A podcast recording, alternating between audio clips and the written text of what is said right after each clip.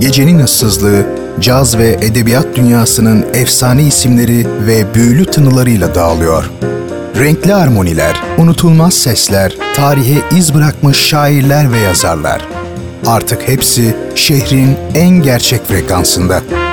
Leyla Ceren Koç'la Caz Bulvarı her pazar 23'te 93.5 Radyo Gerçek'te. Caz Bulvarı başlıyor.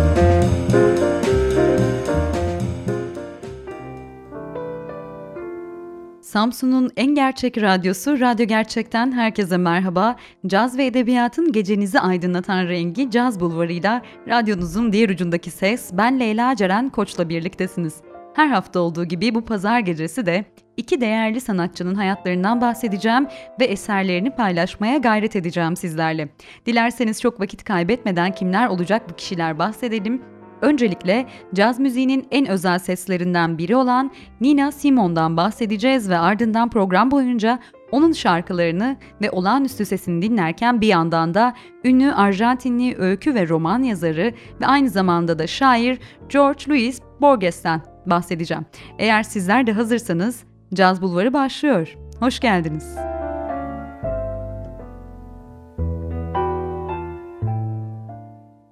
Birds flying high, you know how I feel.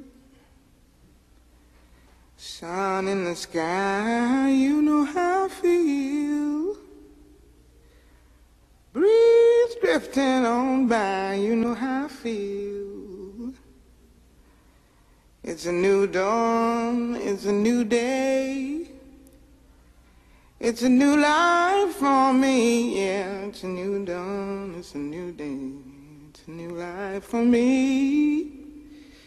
Ooh, ooh, ooh, and I'm feeling good.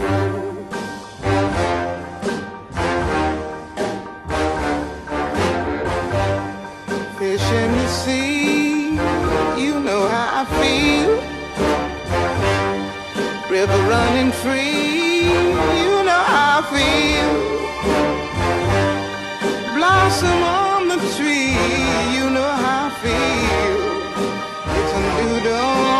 it's a new day, it's a new life for me, and I'm feeling good.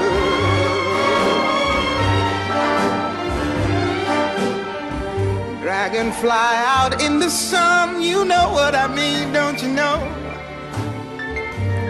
Butterflies all having fun you know what I Sleep in peace when day is done, that's what I mean. And this old world is a new world and a bold world for me. Yeah, yeah.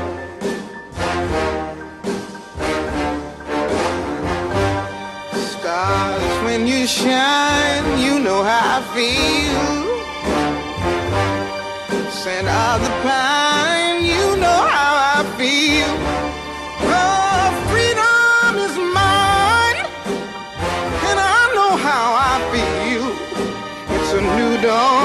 It's a new day, it's a new life for me.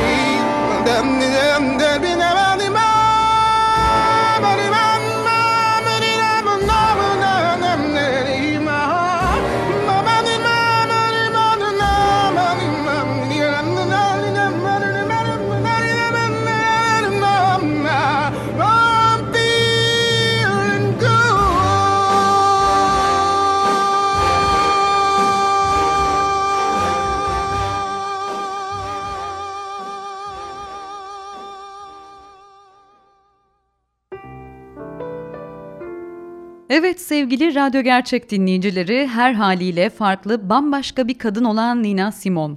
Asıl adı Eunice Wayman olan Simone 1933 yılında Kuzey Caroline Tyron'da yoksul bir ailenin 7 çocuğundan 6.sı olarak dünyaya gelmiş. 3 yaşına geldiğinde çoktan piyano ile oynamaya başlayan bu çocuk 4 yaşına geldiğinde artık bariz bir şekilde yeteneklerini ortaya dökmeye başlıyor. Kilise korosunda şarkılar söyleyip piyano çalabilir hale geliyor.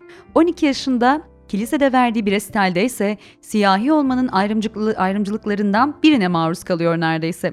Wyman ailesi beyaz insanlara yer açmak için arka sıralarda kalmak durumunda kalıyorlar ve bunun üzerine Eunice yani Nina da ailesi ön sıralara gelene kadar çalmayacağını belirtiyor ve bu olay aynı zamanda onun yıllar sonra Medeni Haklar Hareketi'ne katılımcı olmasının da en büyük tetikleyicilerinden biri olmuş. Simon'un anne ve babası belirttiğim gibi yoksul ebeveynler ve onun müzik eğitimine yönlendirilebilecekleri bir birikime sahip de değiller. Ancak işte bu noktada öğretmenlerin değeri yine ortaya çıkıyor çünkü Simon'un müzik öğretmeni eğitimi için aileye fon kurma konusunda yardımcı oluyor ve bunun sonucunda da toplanan burs yardımıyla Kuzey Caroline Asheville'de Allen High School kız lisesine devam ediyor sanatçı. Simon eğitim hayatının ilerleyen aşamalarında ciddi anlamda ırkçı yaklaşımlar sebebiyle sıkıntı yaşamış. 1950 yazında Curtis Müzik Enstitüsü'nü seçmelerine hazırlanmak için Juilliard School'dan Carl Friedberg onunla yaz boyu çalışmasına rağmen başvurusu reddediliyor ki ailesi Sırf bunu tahayyül bile etmediklerinden Philadelphia'ya çoktan taşınmış halde bu zamanlar.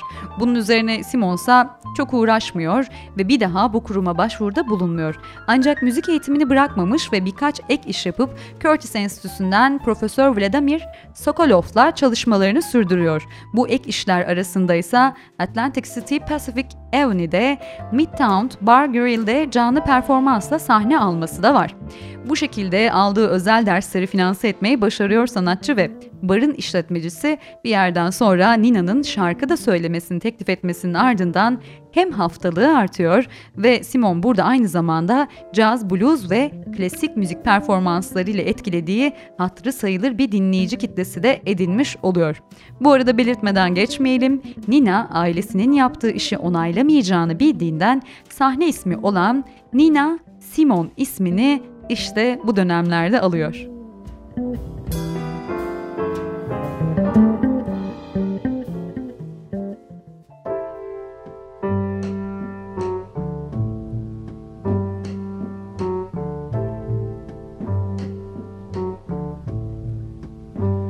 My skin is black. My arms are long.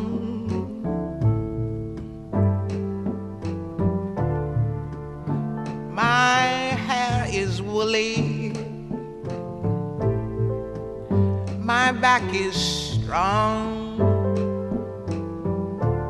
strong enough to take the pain inflicted again and again. What do they call me? My name is Aunt Sarah.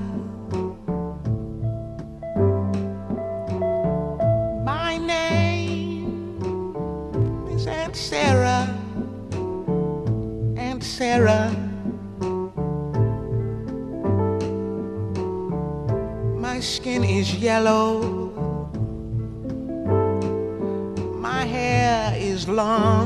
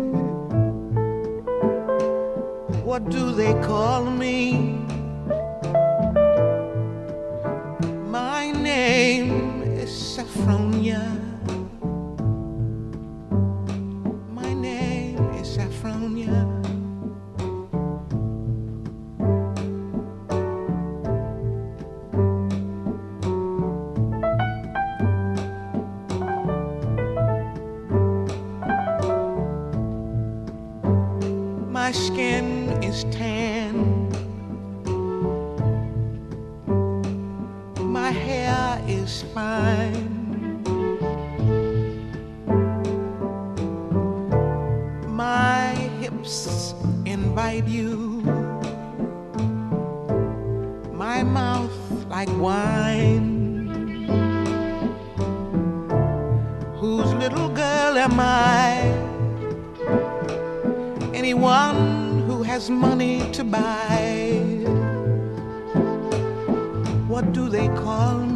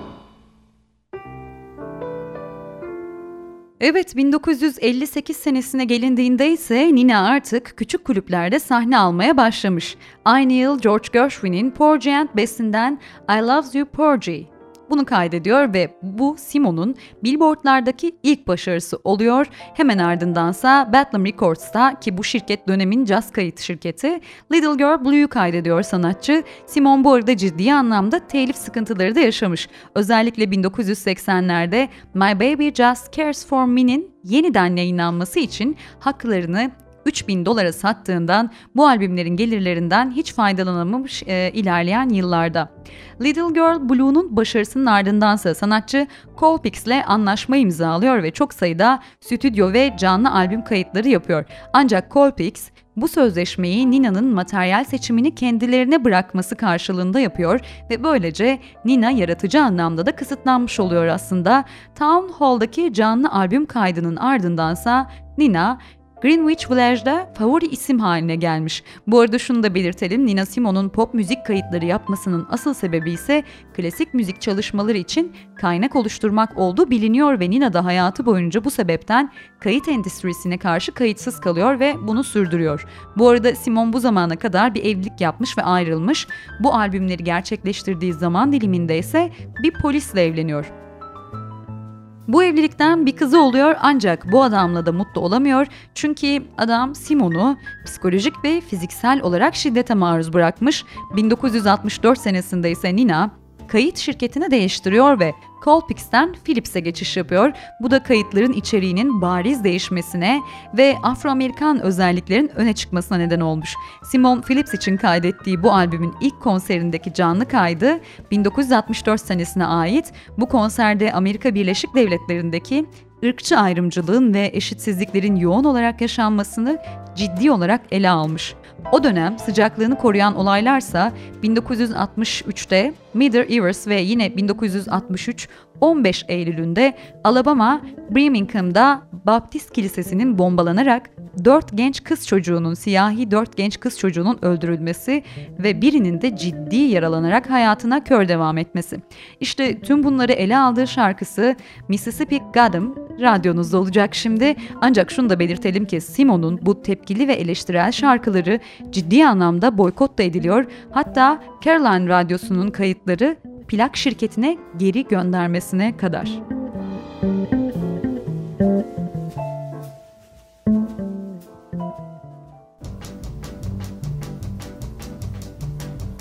The name of this tune is Mississippi Goddamn.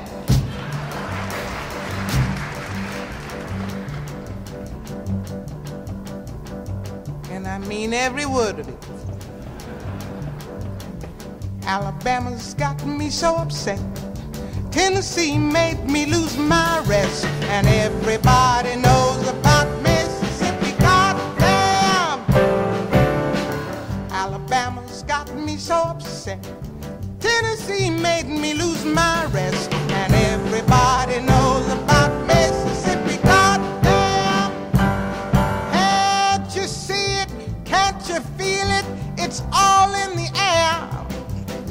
I can't stand the pressure much longer. Somebody say a prayer. Alabama's gotten me so upset. Tennessee made me lose my rest, and everybody knows about Mississippi. Goddamn! This is a show tune, but the show hasn't been written for it yet.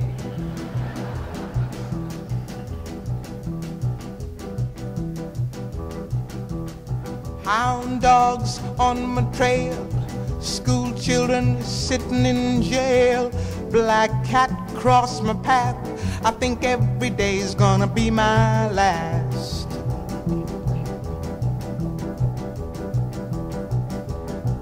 Lord have mercy on this land of mine. We all gonna get it in due time. I don't belong here, I don't belong there. I've even stopped believing in prayer.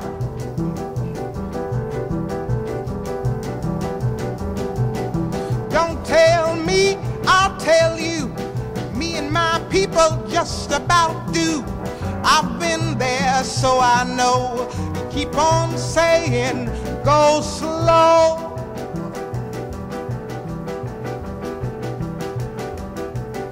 But that's just the trouble. Washing the windows, picking the cotton. You're just plain rotten.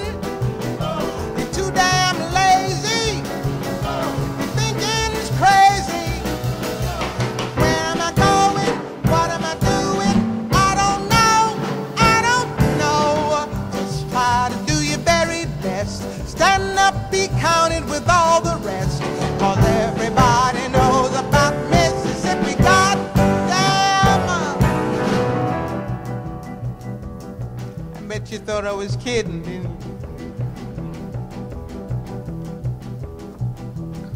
picket lines, school boycotts. They try to say it's a communist plot. All I want is equality for my sister, my brother, my people, and me. Yes, you lied to me all these years. You told me to wash and clean my ears and talk real fine, just like a lady. And you'd stop calling me Sister Sadie.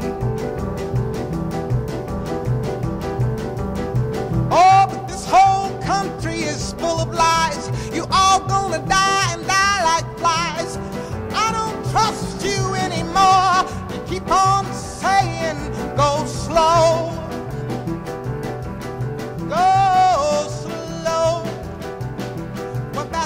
Trouble.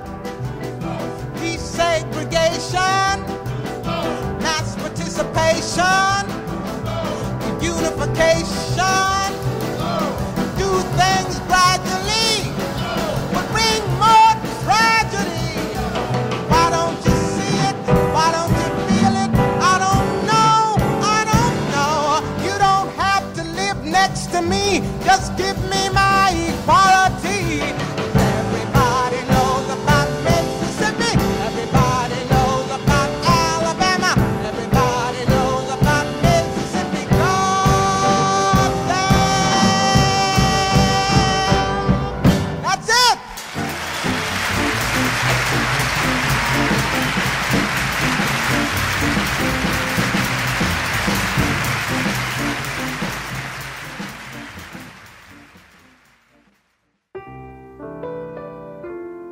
Tabii Simon bu dönemde insanları hatırlatıyor Mississippi Goddam ilk medeni haklar şarkısıdır diye. Ardından benzeri birkaç kaydı daha oluyor dediğimiz gibi hatta bunlardan biri de Old Jim Crow adlı şarkı ki Jim Crow kanunlarını yasalarını eleştiriyor. Bu yasanın ne olduğunu da bilenlere hatırlatayım bilmeyenlerle de paylaşalım. Aslında insanoğlunun ne derece vahşileşebileceğinin kanıtı niteliğinde bana kalırsa bu yasa demir yolları ve tramvaylarda ırk ayrımını benimseyen ilk yasa. 1875'te Tennessee'de kabul edildikten hemen sonra tüm güney eyaletlerinde birden demir yollarında ırk ayrımı e, uygulamasına gidilmiş. Her yere sadece beyazlar için ve siyahlar tabelaları asılmış. Aslında bunların hepsi mevcut durumun resmiyet kazanması anlamına geliyor tabi. Uygulamada ise bu otelleri, tiyatroları, kütüphaneleri ve hatta asansör ve kiliseleri de kapsıyor. Ayrımın en ağır biçimde hissedildiği alansa okullar oluyor bu dönemde. Tabi bu andan sonra Simon'un kayıt repertuarında sivil hak mesajı standart haline geliyor ve canlı performanslarının da vazgeçilmezi oluyor. Siyasi aktivizmin yükselişi sırasında müzik çalışmaları e, seyrekleşen Simon, Selma'dan Montgomery yürüyüşlerine kadar birçok sivil haklar toplantılarında konuşmacı oluyor bu dönem ve aktif olarak yer alıyor. Aynı dönemde sanatçı Simon, e, Martin Luther King'in şiddet içermeyen yaklaşımı yerine sivil haklar döneminde şiddetli devrimi savunmuş ve Afrikalı Amerikalıların silahlı mücadele yoluyla ayrı bir devlet kurabileceğini umduğunu da dile getirmiş. Ancak daha sonra yayınlanan otobiyografisinde ailesinin ve kendisinin açık olarak tüm ırkları eşit gördüklerini de belirtmiş. Simon 1967 senesinde Phillips'ten RCA e, Victor'a taşınıyor ve arkadaşı Harlem Rönesans lideri Langston Hughes tarafından da ilk RCA albümü Nina Simone Sings the Blues için yazdığı Blacklash Blues adlı şarkıyı seslendiriyor. Ardından Silk and Soul adlı eserinde Billy Tyler'ın I Wish I Knew How It Would e, Feel to Be Free ve e, Turning Point'ı kaydetmiş. 1968'deki albümü Enough Said'se Martin Luther King Jr.'ın öldürülmesinden 3 gün sonra 7 Nisan 1968'de Westbury Müzik Fuarı'ndaki canlı kayıtları içeriyor. Tüm performansa kendisini adayan sanatçı Why the King of Love is Dead diye seslenmiş. İlerleyen yıllarda yine Simon tarafından kaydedilen Be To Be Young, Gifted ve Black şarkıları sivil halk şarkılarına dönüşmüş ve farklı versiyonlarını Aretha Franklin ve Donny Hathaway de albümlerinde seslendirmiş. Otobiyografisinde bu dönem e, değinirken gerekli olduğu için o sırada hissettiğimden daha fazla canlı hissettim diye yazıyor ve halkıma yardım etmek için bir şeyler söylemeliydim ve söyledim diyor.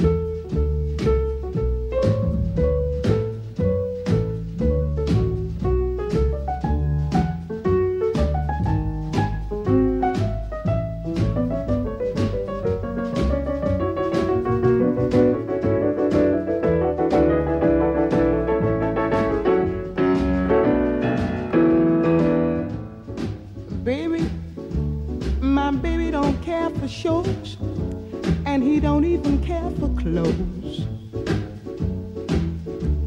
He cares for me.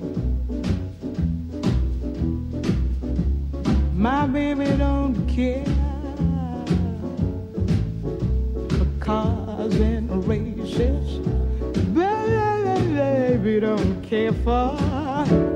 He don't care for high tone places. Taylor not his style, and even Liberace smile. Something he can't see is something he can't see. I wonder what's wrong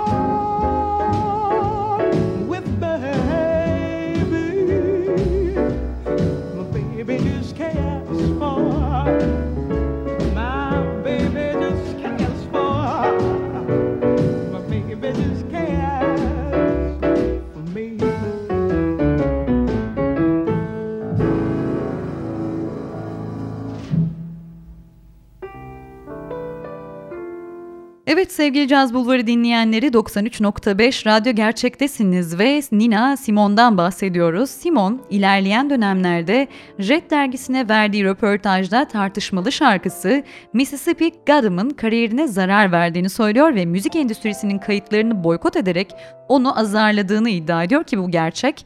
Ardından yaralı ve hayal kırıklığına uğramış hisseden Simon, Eylül 1970'te Amerika Birleşik Devletleri'ni terk ederek Barbados'a uçmuş ve eşi ve aynı zamanda da patronu Stroud'un tekrar çalışması gerektiğinde onunla iletişim kurmasını beklemiş. Bununla birlikte Stroud, Simon'un ani ortadan kayboluşunu ve boşanma arzusunun göstergesi olarak e, görmüş ki Simon da alyansını da bırakarak ayrılmış ülkeden.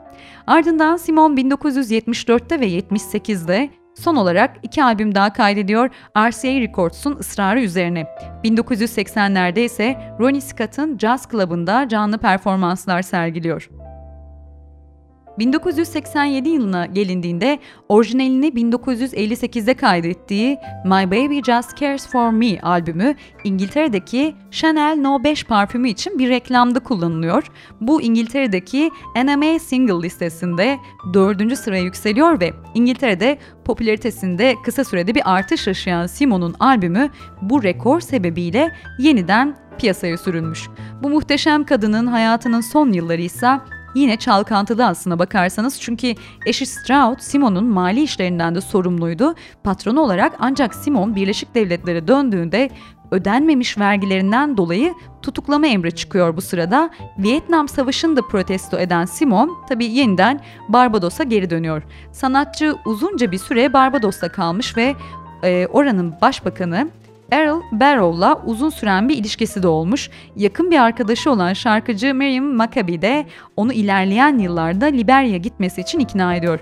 Ardından 1993 yılında Fransa'ya yerleşmeden önce İsviçre ve Hollanda'da yaşayan Simon, New York'taki 1998 performansı sırasında If you're going to come see me again, you got to come to France because I ain't coming back. Beni tekrar görmeye gelirsen Fransa'ya gelmelisin çünkü ben geri dönmeyeceğim diyor. Simon 92 senesinde son albümü A Single Woman'ı ve I Put Spell On You'yu kaydediyor ve bir de otobiyografisini yayımlıyor. 90'lı yıllar boyunca ise turuna devam eden Simon son 10 yılında 1 milyondan fazla kazanç elde ediyor. Ve 80'lerin sonunda bipolar bozukluk tanısı konan Simon, 93 senesinde Güney Fransa'da uykusunda yaşamını yitiriyor ki son birkaç yılında da göğüs kanseriyle mücadele ediyormuş zaten. Simon'un külleri ise birkaç Afrika ülkesine birden dağıtılmış.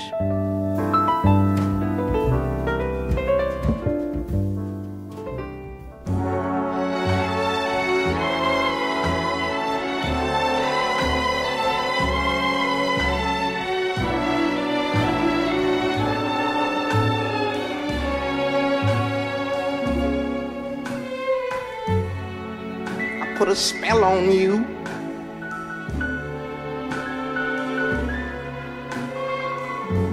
Cause you're mine. Do, do, do,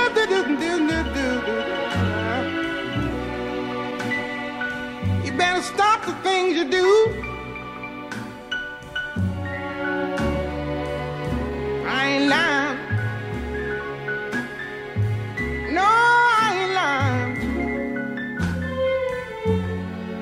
You know I can't stand it. You're running around. You know better, Daddy. I can't stand it cause you put me down. Yeah, yeah. I put a spell on you. because you're mine.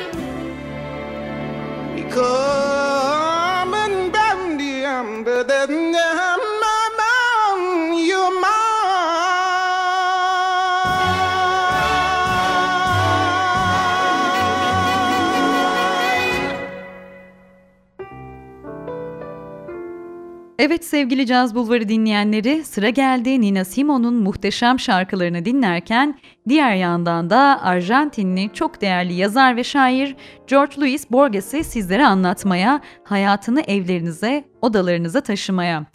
Luis Borges 24 Ağustos 1899'da Arjantin'de dünyaya geliyor. İlginç bir şekilde kardeşi Nora'nın doğumunun ardından aile gangsterleri, bıçaklı dövüşçüleri ve tango dansçılarıyla ünlü olan bir mahalleye Palermo'ya taşınıyor. Bu mahallede yaşadıkları ona gelecekte öykülerinin karakterleri için ilham vermiş dememiz de oldukça mümkün. Aile ise bu arada ortamı hiç uymayan tam bir orta sınıf yaşamı sürüyor. Babası George Guillermo Borges bir avukat ve aynı zamanda da psikoloji eğitmeni. Annesi Leonor Suarez ise bir çevirmen. Babasının annesi İngiliz olduğu için de evlerinde İngilizce ve İspanyolca iki dil birden konuşuluyor. Borges bu dillere hakim büyüyor. Babası orta sınıfın genel özelliklerini taşıyor elbette. Edebiyat, felsefe ve sanatla ilgili bir adam olduğundan Louis de satranç tahtası üzerinden felsefe ve edebiyat öğreniyor diyebiliriz. Yine aynı şekilde edebiyatla gerçek anlamda ilk tanışıklığı da babasının kütüphanesindeki kitaplarla gerçekleşmiş. Tabi buradan mitoloji, kutsal kitaplar, masallar ve sonu gelmeyen bir çeşitlilikle harmanlanabilmiş yazarın zihni küçük yaşlarda. Öyle ki 7-8 yaşlarındayken Don Quixote'dan etkilenip hikayeler yazar ve hatta Oscar Wilde'ın Mutlu Prensini de İngilizceden İspanyolcaya çevirir ve bu çeviri bir yerel gazetede de yayımlanır.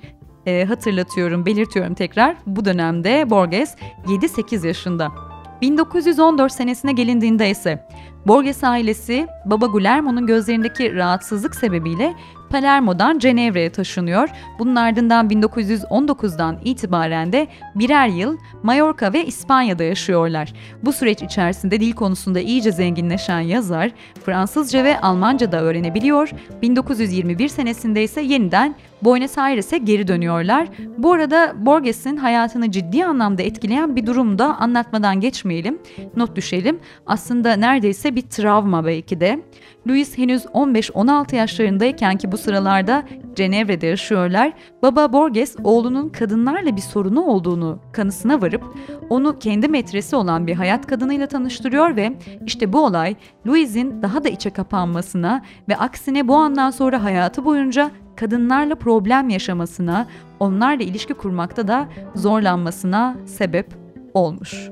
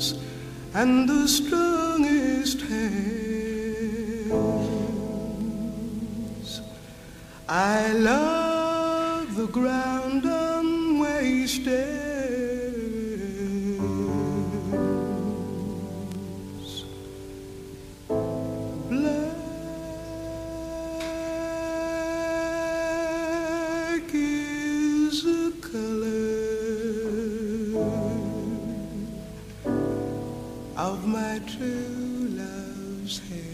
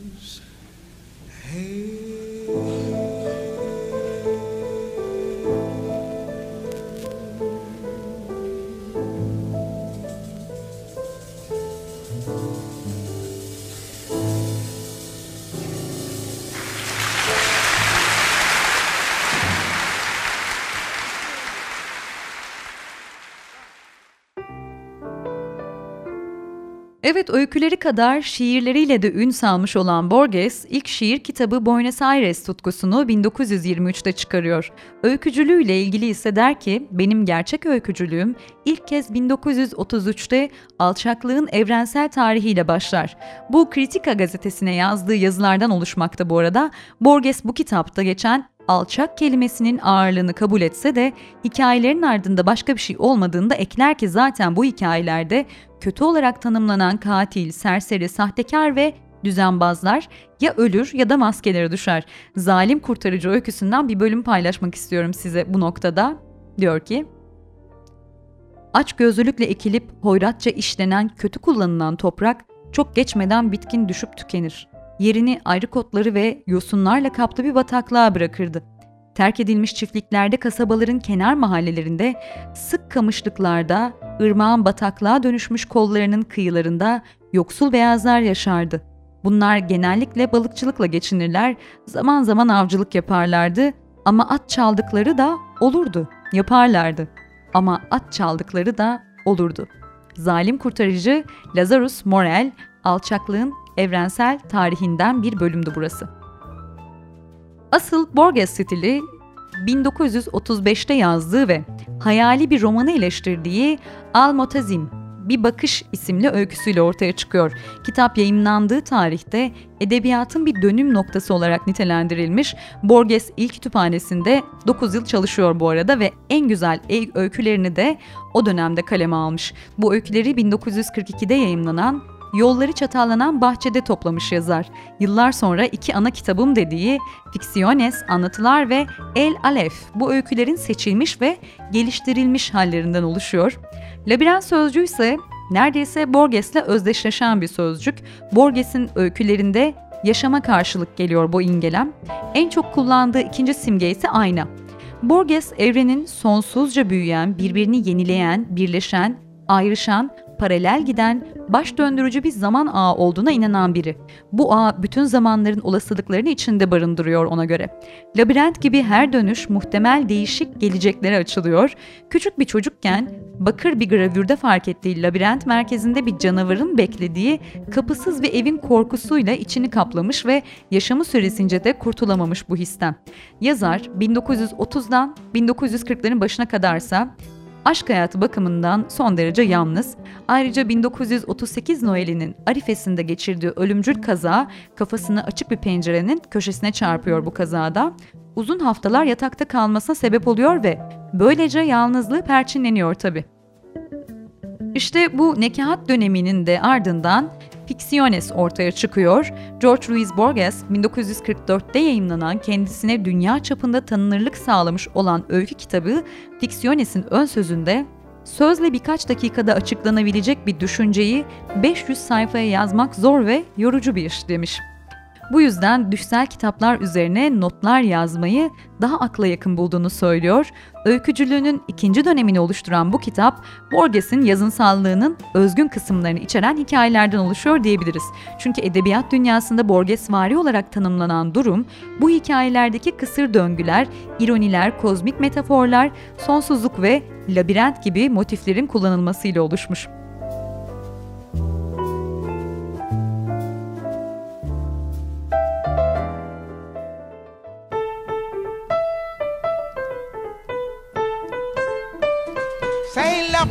Leave me, let me be lonely. You won't believe me, but I love you only. I'd rather be lonely than happy with somebody else. You might find the night time the right time for kissing. Nighttime is my time for just reminiscing, regretting instead of forgetting with somebody else.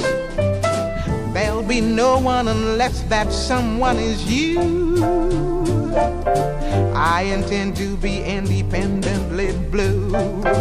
Say, hey, hey, I want your love, don't wanna borrow. Have it today to give back tomorrow. Your love is my love, there's no love for nobody else.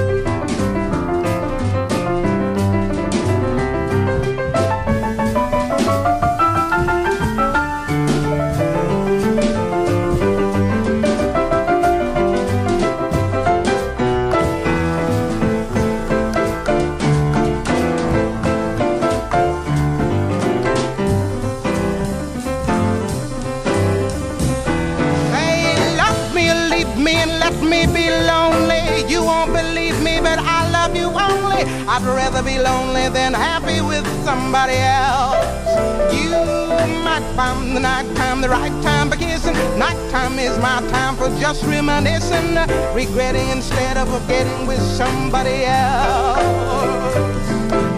There'll be no one unless that someone is you. I intend to be independently blue. Say, hey, I want your love, don't want to borrow. Have it today to give back tomorrow. Your love is my love, love is your love. There's no love for nobody else.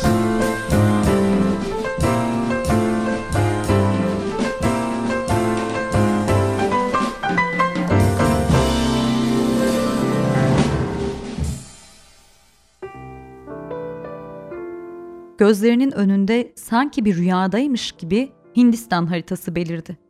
Sonra birden kendine güveni yerine geldi. Sayfanın üzerindeki en küçük harflerden birine dokundu. Aynı anda her yerde birden bulunduğu belli olan bir ses, çalışmak için istediğin zaman bağışlandı dedi. Rüyanın burasında uyandı Hiladik. İnsanların rüyalarının Tanrı'ya ait olduğunu hatırladı. Maimonides, rüyalarda duyulan sözlerin açık seçik duyuldukları ve onları söyleyen, göze görünmediği takdirde Tanrı sözü olduklarını ileri sürmüştü. Gizli Mucize, Fiksiyones'ten bir bölüm. Evet sevgili Caz Bulvarı dinleyenleri, George Louis Borges'ten bahsetmeye devam ediyorum. Radyosunu yeni açanlara hatırlatalım. İkinci Dünya Savaşı'nda Borges Nazilere karşı ve müttefiklerden yana tutum takınarak Juan Perón yönetimindeki Arjantin'de muhalifler arasında yer alıyor.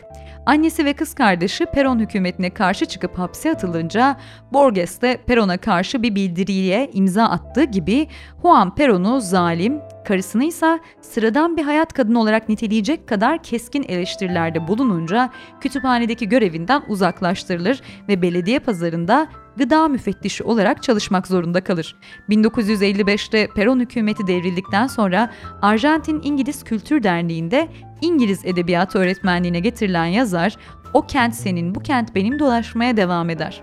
Uzak Doğu din ve öğretileri, Kabala mistizmi, İran tasavvufu, İzlanda destanları ve dünyanın her yerinden garip metaforları böylece derlemeye başlamış. El Alef Aleph, George Louis Borges'in birçok eleştirmen tarafından en iyi eser olarak kabul ediliyor. 1949'da kitabın çıkışının ardından Arjantin'in edebiyat dehası olarak anılmaya başlanmış yazar. Bu eser 17 öykülük bir yapıt ve içerisinde kadın karakterleri barındıran birden fazla öykü var. Simgeler dünyası, harfler ve bilinmedik işaretler tıpkı Musevi mistikleri ve İbranice gibi hep ilgi alanında Louis'in. Kabala öğretisinde Tanrı'nın bu dünyayı yaratırken kullandığı üç öncü sesin ilki İbrani alfabesinin ilk harfi Arapçadaki elifin karşılığı olan Alef kitabına isim vermiş. Alef söz konusu olduğunda Estela Canto adını da anmak durumundayız. Çünkü Borges Estela ile 1944 yılında taş, e, tanışıyor ve onunla birkaç yıl süren bir arkadaşlıkları oluyor. Bu birkaç öpücüğün ötesine geçmeyen bir ilişki ama kitaptaki öyküleri Borges Estela Canto'ya kur yaparken yazmış. İlk iki kitabı e, İlk iki kitaba göre kadın karakter sayısının Alef'te daha fazla olması belki de bu sebep sebepten zaten kitaba adını veren öykü Alef'i Estela Canto'ya ithaf etmiş Borges. 1950'de kalıtımsal bir hastalık nedeniyle giderek artan rahatsızlığı sebebiyle görme yeteneğini de tamamen kaybediyor, tıpkı babası gibi. Buenos Aires Üniversitesi'nde edebiyat profesörü olarak Borges'in yazı yazmasına annesi, arkadaşları ve sekreteri yardımcı olmuş bu noktadan sonra Düş Kaplanları, Düşsel Varlıklar kitabı, Brody raporu ve Kum kitabı bu dönem ürünleri giderek iç dünyasının derinliklerinden gelen fantastik öğeler türlü çeşit oyunlar ve alegorilerle bezenmiş bu e, yine de yalın bir masal üslubunda dile gelen öyküler bunlar.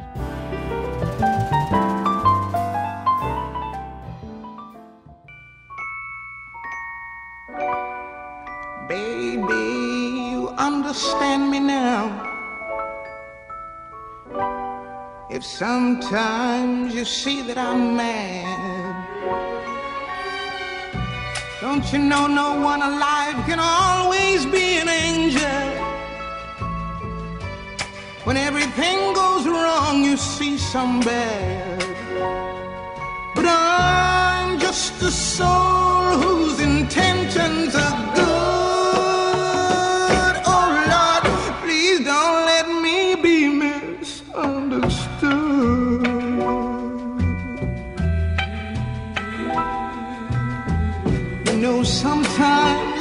I'm so carefree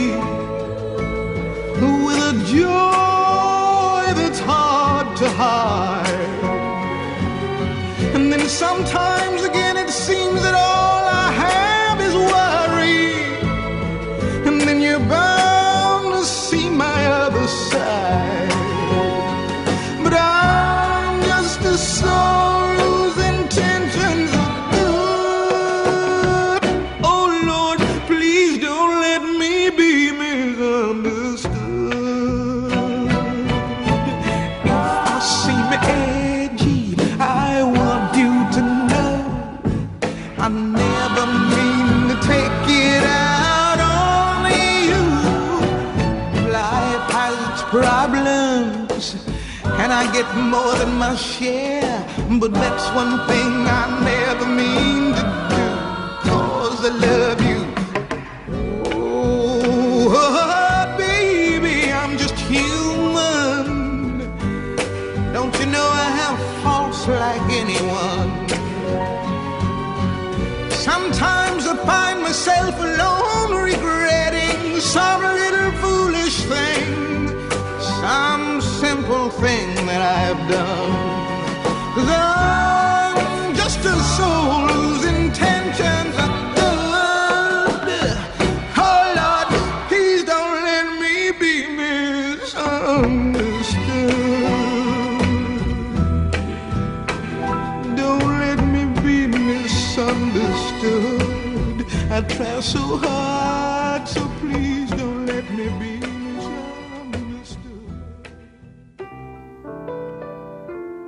Evet, Borges siyasi olaraksa Latin Amerika solunun Sovyet Birliği'ne verdiği koşulsuz desteği hiçbir zaman anlayamamış.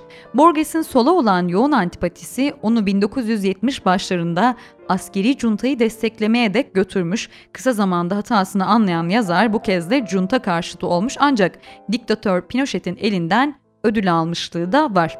Borges'in tek büyük aşkı baskın karakteri annesi diyebiliriz. Leonor edebiyatla ilişkisi kuvvetli, Kafka, Faulkner çevirileri yapan, Borges'in öykülerini ilk elden gören, körlüğünde Borges'e kitap okuyan ve bazı öykülerini dikte eden bir anne.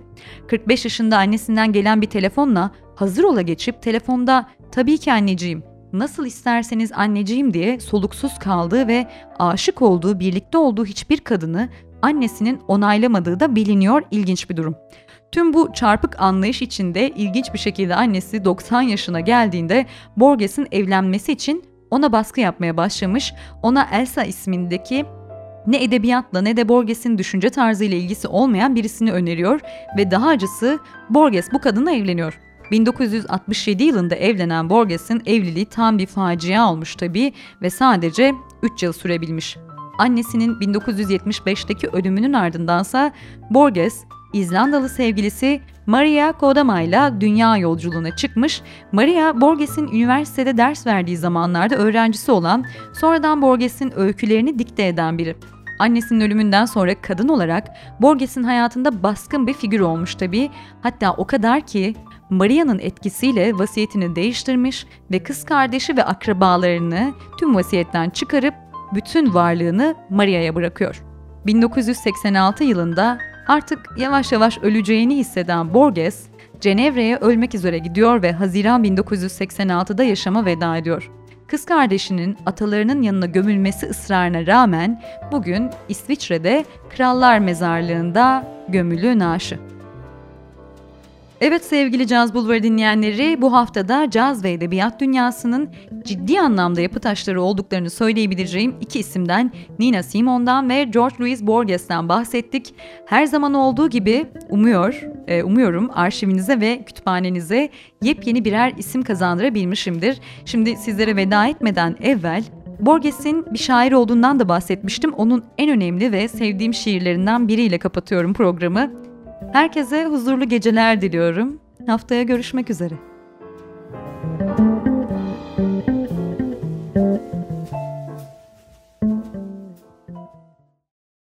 Sil baştan yaşama şansım olsaydı eğer, oturup saymazdım eski yanlışlarımı. Kusursuz olmaya çalışmaz, rahat bırakırdım yüreğimi. Neşeli olurdum geçmişte olmadığım kadar ve elbette çok daha coşkulu olurdu sevdalarım. İçine de yeterince ciddiyet katardım. Bu denli temiz, titiz olmazdım hiç. Öyle bir şansım olsaydı eğer. Hiç çekinmezdim daha fazla riske girmekten de. Daha çok yolculuklara çıkar, gün doğumlarını kaçırmazdım asla. Hele dağlara tırmanmanın, ırmaklarda yüzmenin keyfini. Hiç bilmediğim yerlere giderdim, gidebildiğimce.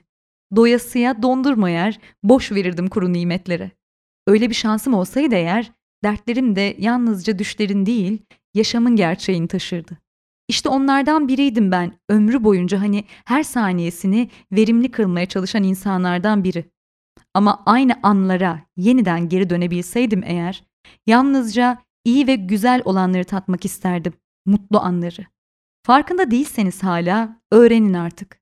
Yaşam anlardan oluşur. Sadece anlardan. Şimdiyi yakalayın. Yanında termometresi, bir şişe suyu, şemsiyesi ve paraşütsüz yerinden kıpırdamayan bir insandım ben.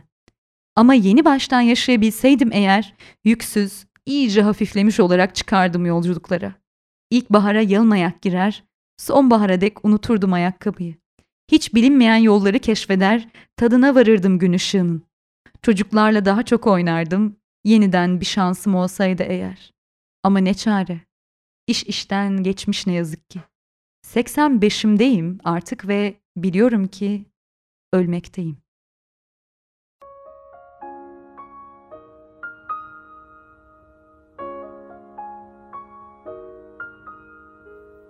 Here comes the sun, little darling. Here comes the sun.